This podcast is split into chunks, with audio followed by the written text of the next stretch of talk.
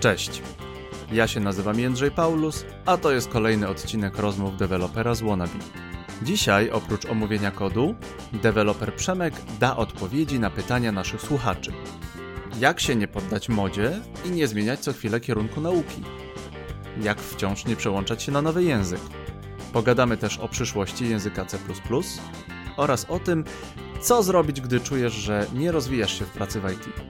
Jeśli chcesz usłyszeć odpowiedź na swoje pytanie, napisz do nas lub zostaw komentarz. Będzie nam bardzo miło, jeśli dasz nam 5 gwiazdek na iTunes, ewentualnie powiesz o nas swoim znajomym. Zapraszamy do słuchania.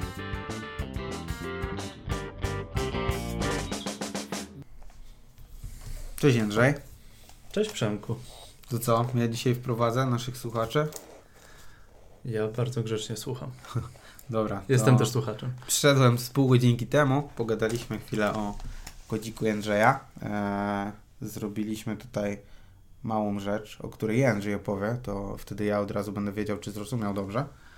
Eee, I tyle w zasadzie z tego wprowadzenia. Nie? Poprzednie podcasty po prostu polegały na tym, że ja tu przychodziłem, włączaliśmy mikrofon i sobie rozmawialiśmy, a tutaj, żebyście mieli świadomość, że coś tam się działo, mieliśmy e, lekki romans z kodem, więc będziecie mogli zobaczyć sobie na e, GitHuba, nie, ty masz to na Bitbucketie, Bitbucket. na, na Bitbucket, e, no i zobaczyć jak to tam postępowało, nie? I tyle. To ty, Andrzej, opowiadaj, albo zróbmy jeszcze troszeczkę inaczej. Najpierw opowiedz, co ci się udało zrobić przez te dwa tygodnie, jak się widzieliśmy, a później opowiesz, co zrobiliśmy dzisiaj. Średnio, średnio udało mi się zrobić jedną rzecz na tydzień.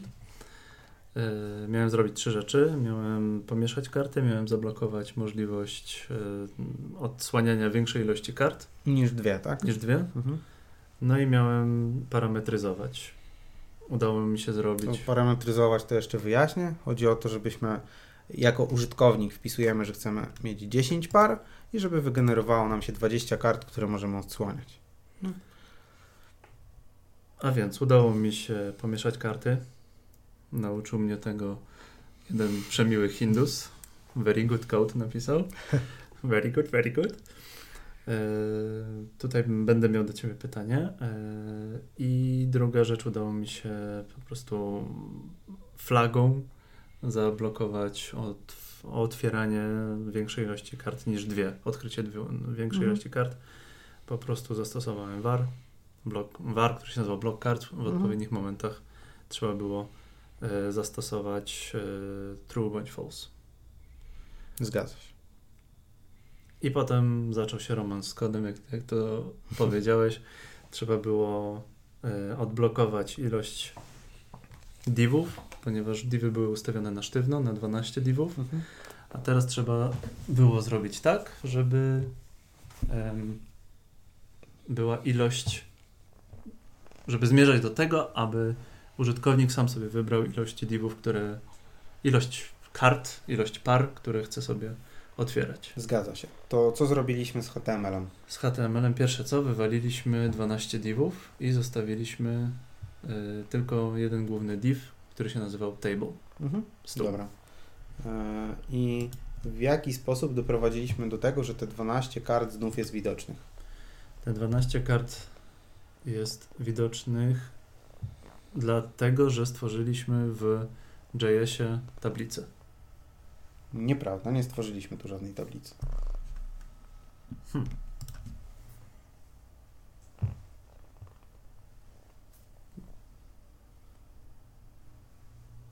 Nie tablicę. Divy. Tak, dokładnie. Stworzyliśmy divy. Tak? Nody HTML-owe. Tak, tak w tak. ogólności nody, a my konkretnie stworzyliśmy divy. Stworzyliśmy Więc divy. najpierw stworzyliśmy jednego diva i tutaj szło to w taki sposób, że najpierw stworzyliśmy jednego diva, a dopiero później opakowaliśmy to w fora.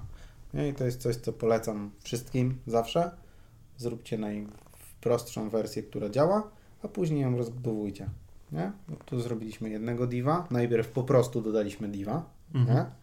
Później dodaliśmy do niego klasę, żeby on się wyświetlał jako nasza karta, a dopiero później opakowaliśmy w fora, żeby wyświetliło się ich 12. Tak? Etapami. Widzę. Proste, nie? Jak już się zrobiło, to proste. Stare, jak się zrobiło, to jest już w ogóle bardzo, bardzo, bardzo proste. Wiadomo. Jędrzeja zostawiam na kolejne dwa tygodnie z tym, żeby e, usprawnił jeszcze jednego buga, którego mu pokazałem. Czyli możemy dwa razy kliknąć w tą samą kartę i nasz program rozpozna to jako znalezioną parę. I wtedy wygrywasz bardzo szybko tak. całą grę. Wystarczy 10 razy kliknąć w jeden div i wygrywasz grę. E, druga rzecz to, aby od użytkownika pobrać ilość par, jakie on chce wyświetlić i e, wyświetlić odpowiednią ilość po prostu. Tak, żeby można było grać dłużej, więcej zabawy i tak dalej. Tak. Dobra, to wszyscy wiedzą, co zrobiliśmy. To teraz pytaj Jędrzej, albo opowiadaj, jakie miałeś problemy przez te dwa tygodnie. Tak. E, Wszyscy słuchamy. Okazało się, że nie do końca rozumiem pojęcie samej funkcji i różnicę między funkcją a działaniem. Na przykładzie kodu Mhm. chodzi mi o pomieszanie kart. Em, Jaka jest różnica między tym fragmentem kodu, gdzie robię kart, sortowanie kart z odpowiednią tam ilością matematyki, Mhm. a funkcją parse number, która po prostu pobiera, em, pobiera cyfrę z okienka w HTML-u, w którą, w którą wpiszemy, em, w którą użytkownik wpisze ten, tę cyfrę par, którą by chciał. No żadna, ale no, nie do końca rozumiem pytanie. Dobrze, w dlatego- jednym, e, w linijce 15 zrobiłem kod na sortowanie kart, Aha, dobra, to... a w linijce 17 użyłem słowa function. Mhm. Ale w linijce 15 też używasz słowa function. Dobra, już rozumiem pytanie. Teraz, Tak, teraz tylko mogę- te funkcje używam e, w card sort, używam w środku gdzieś tej całej funkcji, Mhm. A e, parse number używam na samym początku function. Jaka jest tutaj różnica? Dobra, więc teraz tak. W linijce 15, mam nadzieję, że zerkniecie do kodu zainteresowani, bo nie chcę mieć tego literować. To po prostu dramat, nie? I dla mnie, i dla Was też. E, więc mamy tutaj sortowanie kart, gdzie my na obiekcie cards, obiekt cards to jest tablica, wywołujemy metodę sort, tak? Tak. Czyli my wywołujemy funkcję na czymś i jako parametr musimy tu coś podać, tak?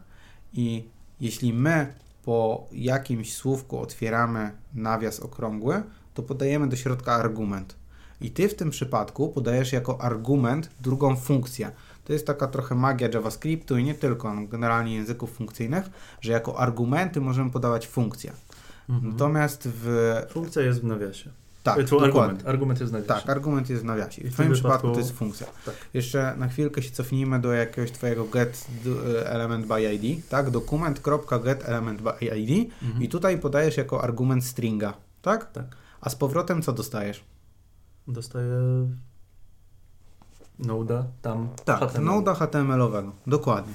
A teraz, jeśli ty na metodzie, e, na tablicy wywołujesz sort, to z powrotem nic nie dostajesz, Mhm. Natomiast ty mówisz, jak e, ma zostać posortowana e, ta tablica. Tak? Mhm. I jako argument musisz dostarczyć algorytm sortowania. I ten twój function jest właśnie algorytmem sortowania. Ok? To jest wystarczająco jasne, czy próbować inną drogą? E, Ja myślę, że to łapie. W tym, w tym wypadku funkcja spełnia. Funkcja jest w argumencie. Tak. Ty Tak. jako argument Ja, ja, dostarczasz funkcję. ja mówię, mam tutaj tablicę kart, y, weźmy to, sortuj i tutaj jest w tym momencie sortowanie, a w nawiasie argumenty, jak to zrobić, Dokładnie. tak? Tak. I teraz odwracamy rolę. Jest function, parse number i wtedy mam dwa nawiasy. Dwa Jaka nawiasy jest- wąsiaste, Wąsiaste, bracketsy. tak. To jest ciało funkcji, czyli to, co mówi, co on ma nam robić. Bo teraz zauważ, że ty w tym swoim sort i dalej function, ty po słówku kluczowym function masz też nawiasy wąciaste, Mhm. tak? I w nawiasach wąciastych znajduje się ciało funkcji. Ciało, czyli co ta funkcja zrobi po wywołaniu. Bo Mhm. jakbyśmy zobaczyli sobie w implementację metody sort, przytrzymaj kontrol proszę.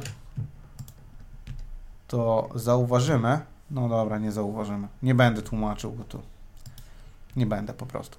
E, ale jakbyśmy zobaczyli taką normalną implementację, to tam by było weź pierwszy element i na podstawie tego algorytmu porównaj z drugim. Jeśli tam zostanie spełniony warunek, to zrób go albo przed, albo za. Metodu, metod sortowania jest mnóstwo, więc o tym nie będziemy gadać, bo to no, z 5 godzin by było potrzeba, żeby wyczerpać temat, a mogłoby być mało, nie? Ale za każdym razem, jak próbujemy sortować, to też to ciało metody się wywołuje. I teraz, jak my zawołamy sobie tą metodkę, ona jest gdzieś, znaczy tą funkcję, nie widzę, żeby gdzieś była używana, ale musi gdzieś być. Gdzie ona jest używana? Nie, ona jest tylko używana yy, w HTML-u. Aha, okej. O, no dobra. okej. Czyli tam masz event listenera Tak. podpiętego do jakiegoś zdarzenia. Dobra, więc ona jest tam używana, tak? I teraz jak ja dostałem event listenera na tą funkcję, to na klik zostanie wywołane ciało tej metody, czyli Mhm. linia 18 i 19. One Dobra. zostaną wywołane Dobra. po prostu, jedna Dobra. po drugiej. Chyba mi świta, chyba, chyba łapie. Nie? I tak samo ty możesz ze swojego kodu wołać jakieś funkcje. I ty to robisz. Mhm. Mm, Jak mamy funkcję cover cards, podajemy jako argument AB, Mhm. tak, to ty ją wykorzystujesz w tym miejscu. Czyli do set timeoutu podajesz znowu funkcję, tak, i mówisz, że po jednej sekundzie, po, stu, po 1000 milisekund, ma się wywołać cover cards i Mhm. podajesz tu dwa argumenty. I dopiero to cover cards wywołuje faktyczną logikę, Łapie, łapie. tak? Super. Dobrze. E, łapie, łapie. Sam jestem z tego powodu bardzo zadowolony. E, zadałem pytanie, jak kontrolować numer kart. Nie, nie zadałem pytania, jak kontrolować numer kart. E, użytkownik wpisuje w okienku ilość, Mhm. ilość par, które, które No. chce. Tak? Przyjmijmy 10. Może Przyjmijmy 10? 10. Tak, wiem, że to działa, bo mówiłeś wcześniej używaj alertu, bo jak się pokaże alert, to znaczy, że działa. No tak, no wyświetla ci numer, który jest wpisany, nie? Więc no, masz dowód na to, że wpisana wartość zgadza się z tym, co zostało. Znaczy wyświetlana wartość w kodzie zgadza się z tym, co wpisał użytkownik. I teraz chciałbym uniknąć ym, problemu. Ja mogę do tablicy kart, kart w pierwszej linii, w pierwszej linijce dodać na przykład jeszcze kilkanaście.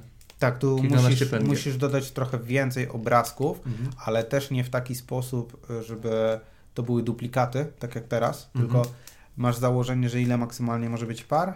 Siedem- Szes- 16, tak? 16 par? 16, no 17 To nie musisz dostarczyć 16 obrazków, Aha, nie? I jeśli będziesz miał dostarczone te 16 obrazków, to później odpowiednio, w zależności od tego, ile będzie e, par, je wyciągać. Tak? Bo teraz, Czyli teraz zrobić- na sztywno mamy wpisane 12, nie? tak. E, więc musielibyśmy, e, no, możemy No, tak trzymać się naprawdę- tego na sztywno, ale dostarczyć ich 36, tak? Czyli e, No, ale to 30 jest bez sensu tak naprawdę. 32. W tym Co momencie bez sensu?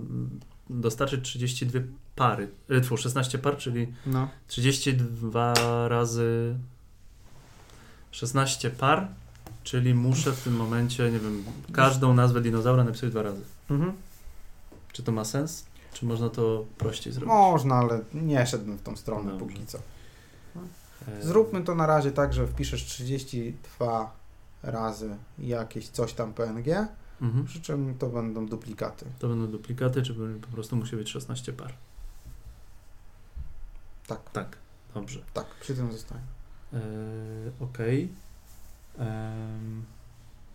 Przemek wytłumaczył mi różnicę funkcji w jako, jako argument i funkcji przed. Nie, funkcji, która ma argumenty. Dobrze myślę? Mm. Card sort i... Nie. To jest jako argument spodziewa się typu funkcji po Mhm. prostu, nie? E, natomiast function i jakaś tam nazwa powoduje, że ty później możesz wywołać dowolnie z kodu tą, e, tą metodę, tak? Tą, tą funkcję. Dobra, dobra. I teraz wracamy do tego. Ja już wiem, że muszę teraz wpisać 32 nazwy dinozaurów czyli będzie z tego 16, które jest po prostu dupli duplikatami. Mhm. Użytkownik wpisuje liczbę z przedziału 1-16. No Mhm. nie wiem, może ktoś chce grać w jedną parę. No tak. No. Może Nie oceniamy, może nie ma oceniamy. niski, nie wiem, niską samoocenę i chce Nie wygrywać oceniamy. zawsze. Nie wiem. Yy, To idzie do kodu i wtedy co robić? Wtedy No. ta, ta cyfra musi przejść do, musi, musi wybrać ilość też pomieszanych obrazków dinozaurów. Liczba musi wybrać, yy, liczba musi być połączona z, yy, z tablicą kart. Stamtąd musi wybrać ilość obrazków i jeszcze je pomieszać. Tak, prawie tak. Generalnie tu trochę cię skłamałem, za szybko myślałem i potrzebujesz po pierwsze jakiś pojemnik na obrazki, które w ogóle mogą zostać wylosowane, Mhm. więc potrzebujesz 16 e, PNG wpisanych pojedynczo, nie? jako takie pudełko na wszystkie możliwe obrazki. ok? I teraz jeśli użytkownik wpisze 10, Mhm. to ty musisz z tych 16 wybrać sobie 10, to może być 10 pierwszych. Tu nie trzeba Mhm, jeszcze w mhm. żaden sposób losować. I dopiero z tych 10 e, już wybranych musisz je pomnożyć razy 2, tak? Czyli z pierwszej tablicy wyciągasz zerowy element i wrzucasz go na zerowe i pierwsze miejsce. Mhm. Pierwszy element na drugie i trzecie, drugi element na czwarte i piąte, tak, żeby powielić dwukrotnie, żeby z pojedynczych nazw PNG zrobić parę i dopiero tą drugą tablicę po, po, po, po, po, po, pomieszać. O, to słówko, którego szukałem. Z tablicy kart musi, muszą zostać wybrane e, obrazki dinozaurów, które przejdą do drugiej tablicy. Mhm. E, Tam zostaną tam zostaną zduplikowane. zduplikowane, Mhm. po czym pomieszane i wrzucone w, e, w nody, tak? No w divy. Eee, muszę zerknąć w kod, żeby ci nie okłamać.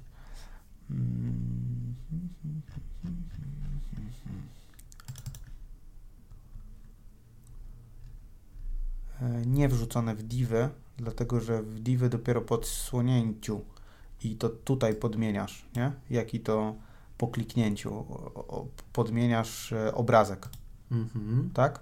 Więc to z tej tablicy, Tak, E, z tablicy kart. tak, one tam wpadną. Więc tak naprawdę ty potrzebujesz stworzyć sobie nową tablicę nad cards, a tą tablicę cards tworzyć dynamicznie na podstawie tego, ile użytkownik wpisał, tak? Jaką cyfrę.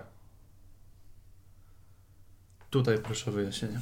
No dobra, masz tablicę pudełko, tak? Tak. Box. Do pudełka box wrzucasz 16 PNG Tak, różnych. widzę, Okej. widzę. Dobra.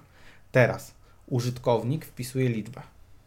12. Dobrze, 12. Klika Enter, czy tam Mhm. zatwierdza guzikiem.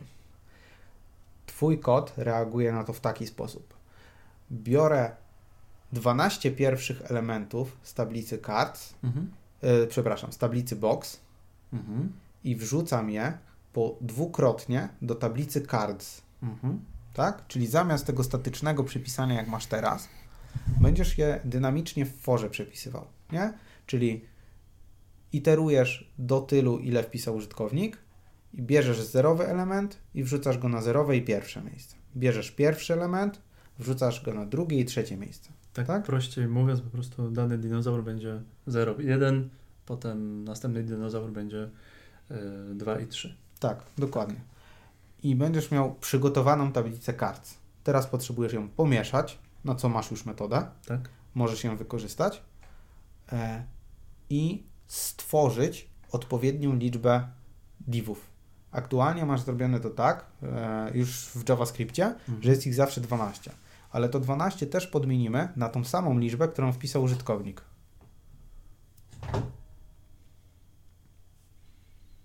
Czyli tym forze tworzącym e, ilość divów Mhm. będzie trzeba odpowiednią wstawić odpowiednią zmienną do, do i, które jest mniejsze od, Tak, od tego number, od które number of, pobiera- Tak. e, Tutaj w tym wypadku będzie to Ojej, gdzie mi to zniknęło? Tu. Tylko potrzebujesz to przerzucić na górę, nie? Funkcji, funkcji Bo najpierw pers number. tak. Tylko to var number też musisz zdefiniować sobie poza ciałem funkcji, bo teraz to jest dostęp do zmiennej number jest tylko wewnątrz tej funkcji, a ty Mhm. będziesz potrzebował jej na zewnątrz, czyli tutaj. Nie? Więc to po prostu definiujesz sobie na początku. Dobra. I ostatnia rzecz, która nam zostaje na następne dwa tygodnie, to e, zmiana, która będzie polegała na tym, że nie pobierasz statycznie na podstawie ID-ka po kolei e, nodów, czyli wpisałeś K0, K1, K2 i tak dalej, tylko musi być to robione dynamicznie, też w pętli for. Mhm. Nie? Bo teraz dodajemy 12 razy event listener po prostu w 12 linijkach. Ty potrzebujesz to opakować znowu w fora. For znów będzie się zliczał do tylu, ile wpisał użytkownik i po prostu zamiast wpisywać na sztywno argument K0, K1 będziesz robił konkatynację K plus I. Tak? Tak. Chyba, chyba to widzę. Wydaje mi się, że to widzę. No mam nadzieję. Czy mam zostawić e, 12 event listenerów? No nie, to jest Nie. dokładnie to samo. Tak, to samo. Tam pobierasz dokument e, get element by ID, podajesz ID-ka, a później dla tego ID-ka Czy to ma być też for? activity. No jeszcze lepiej to to i to w jednym forze, tak? Czyli w jednym forze pobierasz noda HTML-owego i w tym samym forze, jako drugą linijkę, do tego noda, którego pobrałeś, dodajesz event listener. Tak? I open card zamiast podawać na sztywno 0, 1, 2, 3 i tak dalej, podajesz nie, no, jako ID. Tak? Tylko to K z przodu będziesz musiał wyciąć. Bo ID Mhm, będziesz miał gdzieś mhm. zapisane, Tak. K0, to to K na początku trzeba wyciąć. Nie? I wtedy masz to załatwione. Dobra. I ostatnia rzecz, o której nie wspomniałem, to te ID-ki musisz sobie gdzieś zapamiętać, bo później będziesz dodawał do każdego ID-ka jakiś listener. Nie? Więc potrzebujesz jakąś tablicę, która ci przechowa te ID-ki twoich divów. Trzecią tablicę w tym Tak. momencie. Tak. Div ID będzie albo card ID. Świetna Mhm. nazwa. Czyli muszę ogarnąć, jak się wrzuca po prostu do tablicy daną Push. wartość. Push. Tak. Tak. Ale jak wpiszesz w Google how to add new value to array in JavaScript, czy jak, jakoś tak, to, to Chrome ci podpowie. Mhm. Nie, takie proste rzeczy bardzo szybko znajdziesz. Nie, i to, to nie ma się nad czym zastanawiać, tylko po prostu wpisać w Google, bo na takie proste pytania znajdziesz odpowiedź. Nie? Jeśli coś jest bardziej złożonego, no to tej odpowiedzi po prostu nie znajdziesz i musisz to wymyśleć.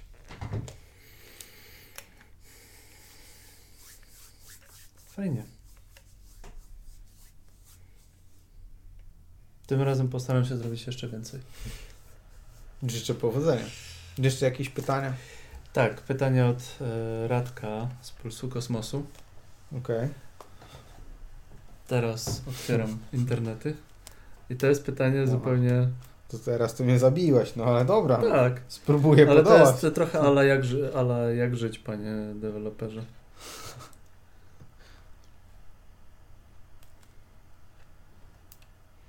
Chodzi ogólnie o to, jak uniknąć tej bieganiny. Bieganiny polegającej na tym, że dana,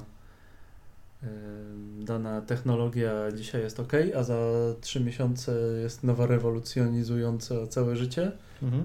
po czym po 3 miesiącach znowu jest Mhm. taka nowa technologia. Jak tutaj się odnaleźć, ponieważ ludzie się uczą danej technologii, a po kwartale wypada, że jest źle, Co? że, że w ogóle nie ma sensu. Okej. Nie trzeba było się tego uczyć. To ja mam na to bardzo prostą odpowiedź. Tak. Nie uczyć się technologii.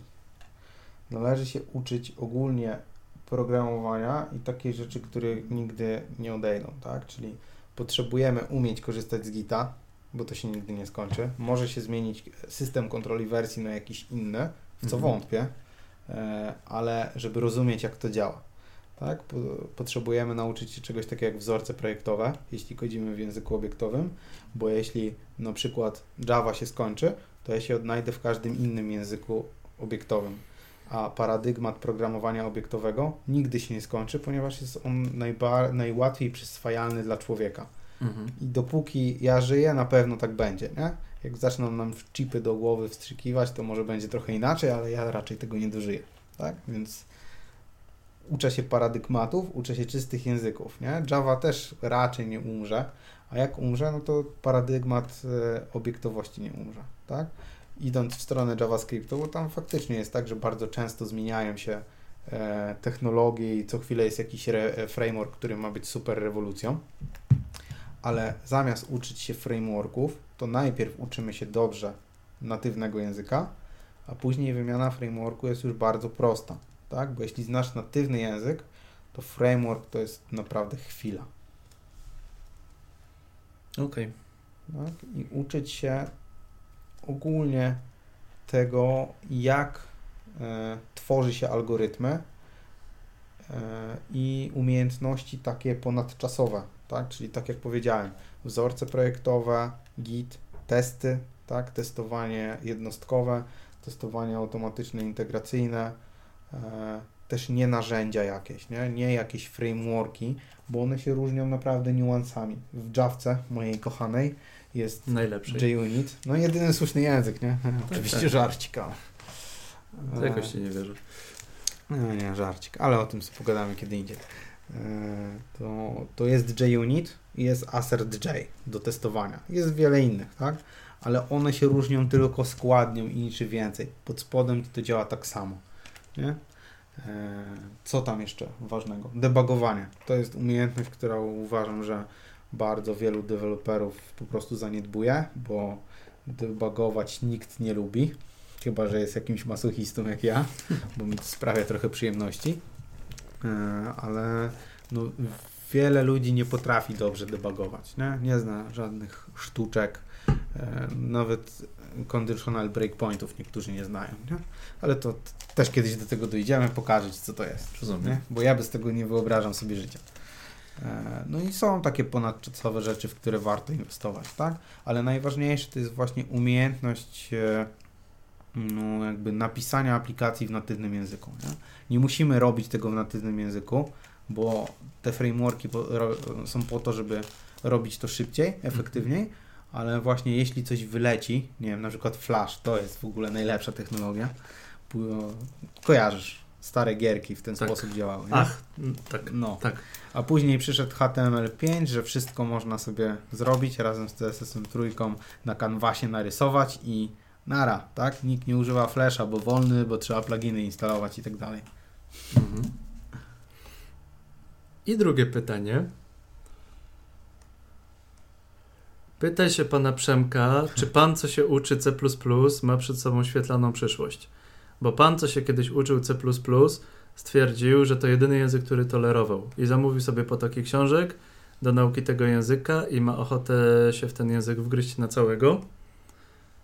Pan, co się uczył C, poskromił chęć rzucenia się na Javę, bo ona tylko brzmi fajnie, ale z podręczników fajna się nie wydaje. Dobrze, pytanie jest, czy się uczyć C, bo to jedyny język, który pan tolerował. Eee, czy generalnie wybór języka naprawdę ma drugorzędne znaczenie. W pierwszej kolejności należałoby się zastanowić, co się chce robić, tak?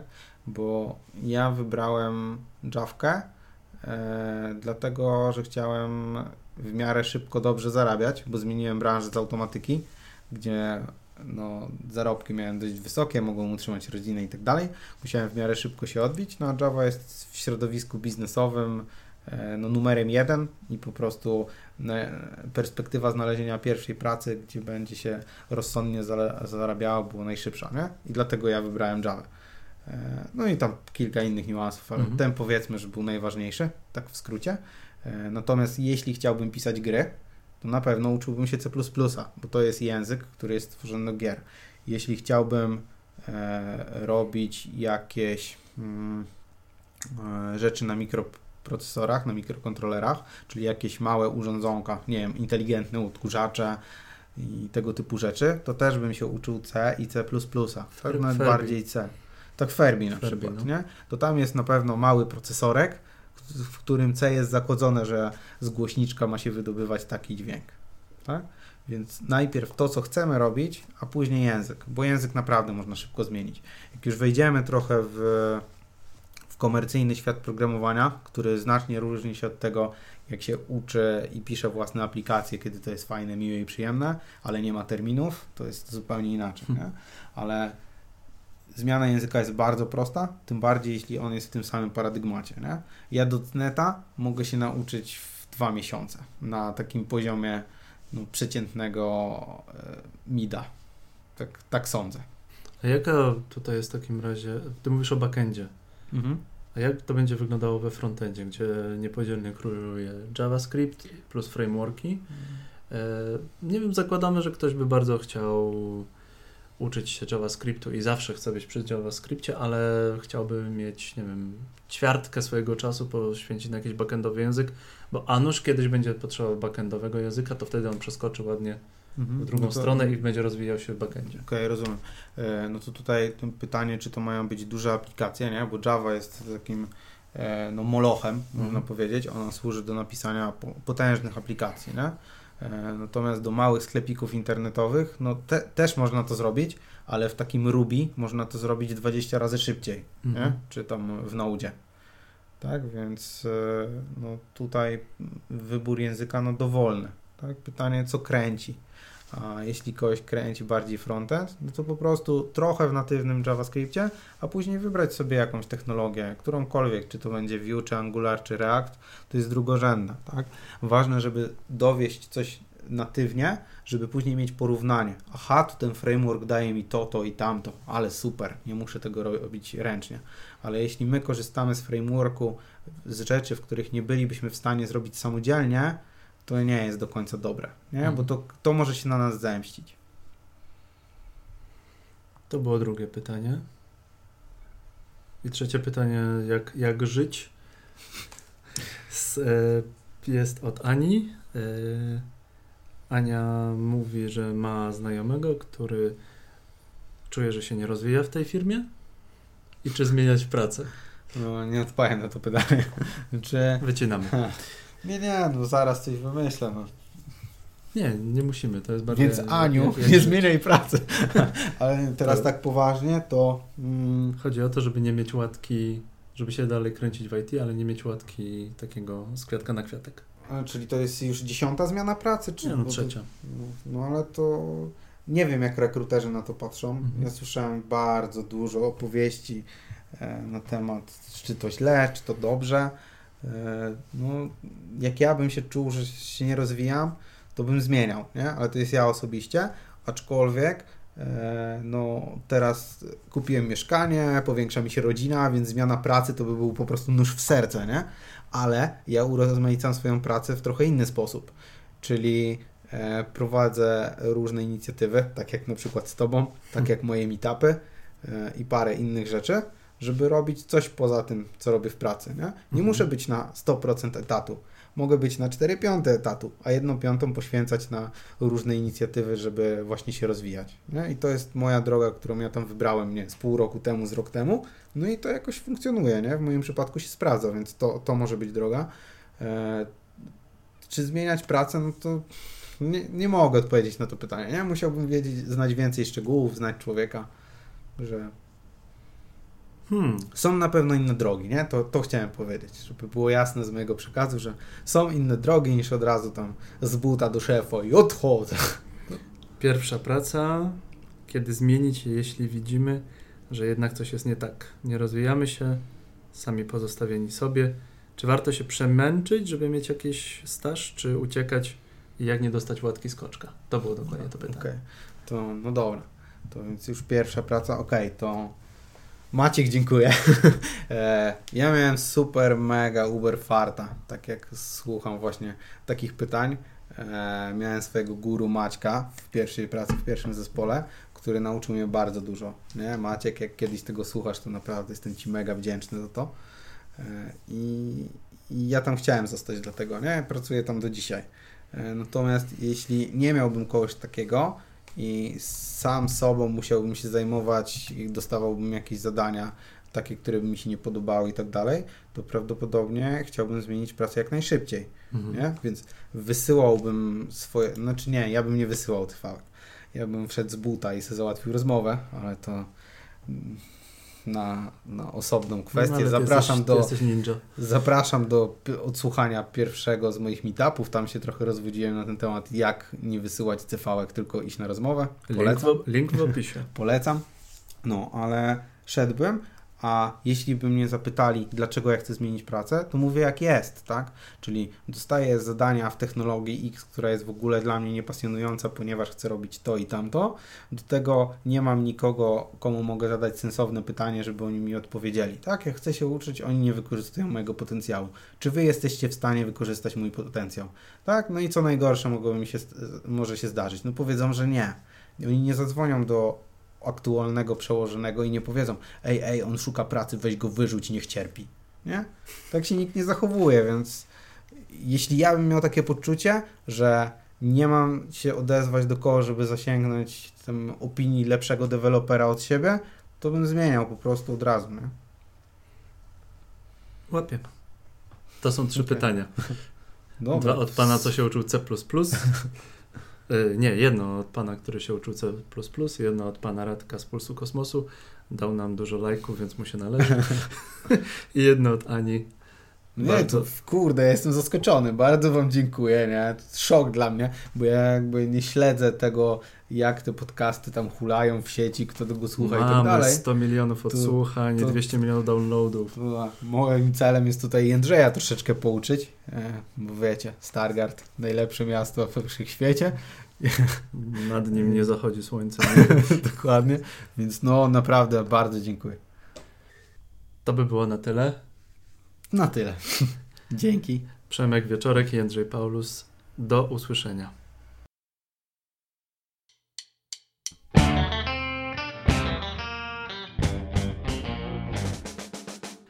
Dziękujemy, że byłeś z nami. Zachęcamy do zadawania pytań oraz do komentowania. Jesteśmy dostępni w iTunes, Spotify, Google, na YouTube oraz w wielu aplikacjach podcastowych. Jeśli podoba Ci się nasza praca i chcesz nas wesprzeć, będziemy wdzięczni za 5 gwiazdek w iTunes, udostępnienie nagrania albo powiedzenie o nas swoim znajomym. Do usłyszenia w następnym odcinku. Cześć!